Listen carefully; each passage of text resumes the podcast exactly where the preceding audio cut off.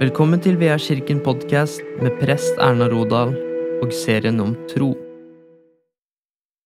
Vel møtt til VR-kirkens podkast og en ny episode i serien om tro. I dag så vil jeg lese noen bibelvers fra Femte Mosebok, og jeg starter med å lese fra Femte Mosebok kapittel fire og vers ni. Ta deg i vare og vokt det vel så du ikke glemmer det du har sett med egne øyne. Så lenge du lever skal det aldri forlate ditt hjerte. Du skal fortelle om det til dine barn og dine barnebarn. Og så vil jeg lese videre fra Femte Mosebok kapittel seks og versene fire til ni. Hør, Israel, Herren er vår Gud, Herren er en. Du skal elske Herren din Gud av hele ditt hjerte, av hele din sjel og av all din makt. Disse ordene som jeg pålegger deg i dag, skal du bevare i ditt hjerte. Du skal gjenta dem for dine barn og snakke om dem når du sitter i ditt hus, når du går på veien, når du legger deg og når du står opp. Du skal binde dem om hånden som et tegn og ha dem på pannen som et merke. Du skal skrive dem på dørstolpene i huset ditt og på portene dine. De her tekstene pålegger Gud Israelsfolket at de skal fortelle sine barn og barnebarn om de store gjerningene og undrene som Gud hadde gjort for folket da han førte folket ut fra fangenskapet i Egypt og delte Rødehavet så folket kunne gå tørrskodd over og da han ga Moses steintavlen på Sinafjellet og alle undrene Gud gjorde da israelsfolket gikk 40 år i ørkenen. Også om da David kjempa mot Goliat og mange flere undergjerninger. Gud påla foreldre og besteforeldre at de skulle fortelle om det til sine barn og barnebarn. Det var ikke ypperste presten eller levittene som skulle fortelle om det, men det var foreldrene og besteforeldrene som skulle fortelle om Guds under til sine barn og barnebarn, for at også neste generasjon, og neste generasjon og neste generasjon igjen skulle få troen på Gud overlevert til seg. De skulle gjenta det og gjenta det og gjenta det. De her bibelversene tar jødene veldig på alvor og de er flinke til å overlevere troen til neste generasjon. Men ordene gjelder også for oss i dag.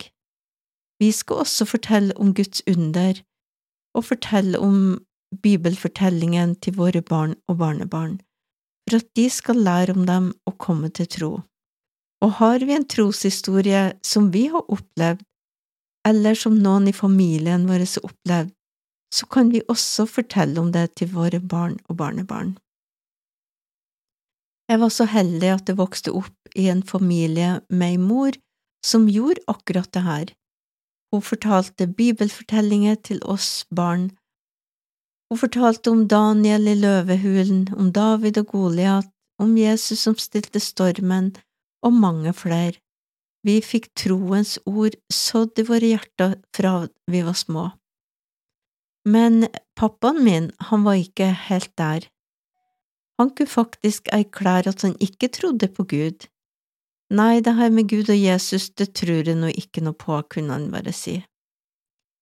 Da vi ungene ble voksen, så begynte vi å be for han at han skulle komme til tro på Gud, og det samme ba mamma om. Da pappa var nesten 85 år, skjedde noen ting som gjorde at pappa opplevde en omvendelse i livet sitt, og den historien vil jeg fortelle om i dag. Pappa hadde stått opp en morgen og skulle spise frokost da det skjedde noen ting som han opplevde og som han beskriver som om han ble skutt i magen.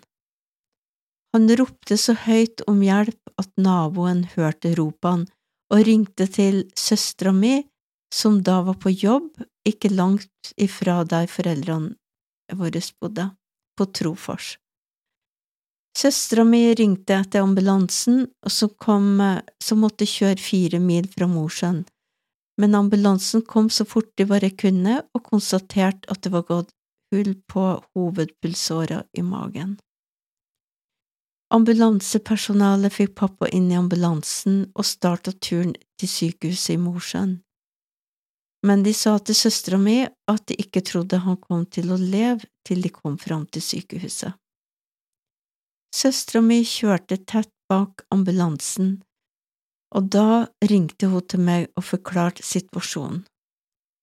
Jeg husker at hun sa at ambulansen kjørte så sakte det var 80-sone, men de kjørte bare i 70, og hun skjønte ikke helt hvorfor de gjorde det. Jeg begynte å be til Gud for pappa med en gang, og ringte også til broren min, og vi ba begge to for pappa om at han ikke måtte dø, men at det måtte skje et under så han overlevde her. Da ambulansen kom fram til morsen som levde pappa fortsatt, og neste steg var å få han over i et ambulansefly til Tromsø. For dere som kjenner litt til geografien og avstandene nordpå, så vet dere sikkert at det er lenger fra Mosjøen til Tromsø enn det er fra Mosjøen til Oslo. Men det er Tromsø som er hovedsykehuset for Nord-Norge, og derfor så skulle han dit, og søstera mi ble med i ambulanseflyet. Men vi tror ikke han kommer til å overleve til vi kommer til Tromsø, det sa ambulansepersonalet igjen. Da ambulanseflyet landa i Tromsø, så levde pappa fortsatt, og han overlevde operasjonen de måtte foreta på Tromsø sykehus. Broren min og jeg, vi kjørte nordover dagen etter, og vi ba for pappa hele veien. Endelig framme i Tromsø så kunne vi få hilse på pappa, han lå med slanger kobla til overalt, og registrerte at vi var der, men klarte ikke å snakke med oss. Og så kom en lege og kunne fortelle at det hadde oppstått en komplikasjon som gjorde at pappa måtte gjennomgå en ny operasjon. De trodde ikke pappa kom til å overleve denne operasjonen, men han kunne ikke leve med den komplikasjonen som hadde oppstått, så de måtte operere han. Vi satt og ba for pappa hele tida at han måtte overleve den operasjonen igjen, og det gjorde han. Etter hvert så kom pappa seg såpass at de kunne flytte han til sykehuset i Bodø. Så en mandag morgen ringte de fra sykehuset i Bodø og fortalte at pappa trengte blodoverføring fordi det var en lekkasje på ei blodåre i magen. De hadde gitt pappa tre liter blod i løpet av helga, og de kunne ikke fortsatt med det, sa de.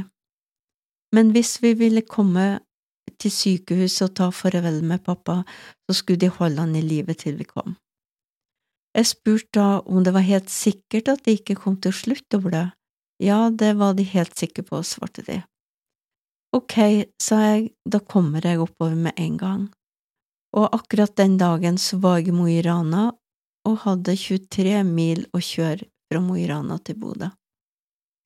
Jeg ba for pappa hele veien opp til Bodø om at et under måtte skje sånn at det sluttet å blø, og da jeg kom fram til sykehuset, hadde det sluttet å blø. Pappa satt i senga og leste aviser og var i kjempegodt humør, og var så veldig glad for å se meg. Han vil at dette besøket det måtte jo feires med kaffe og vafler, mente han, og kaffe og vafler fikk vi. Men mens vi spiste vaflene, så satte pappa en bit vafler fast i halsen og begynte å hoste så veldig. Nei, jeg overlever ikke det her, sa han. Kjære Gud og Jesus, frels meg, ropte pappa. Og denne bønna hørte Gud. Kjære Gud og Jesus, frels meg. Det var nok til at pappa kunne få en visshet om at han var frelst. Han som hadde levd et langt liv og bekjent at han ikke trodde på Gud og Jesus, selv om at han kunne være med oss i kirka av og til, og høre på andakter på radio og se på gudstjeneste på TV, så hadde han likevel ikke funnet troen for noe. Neste gang vi besøkte pappa, så var det på sykehuset i Mosjøen. og det første pappa sa da vi kom inn på rommet hans, var, Nå er Everton omvendt. Jeg er ikke redd for å dø, jeg veit at jeg skal til himmelen.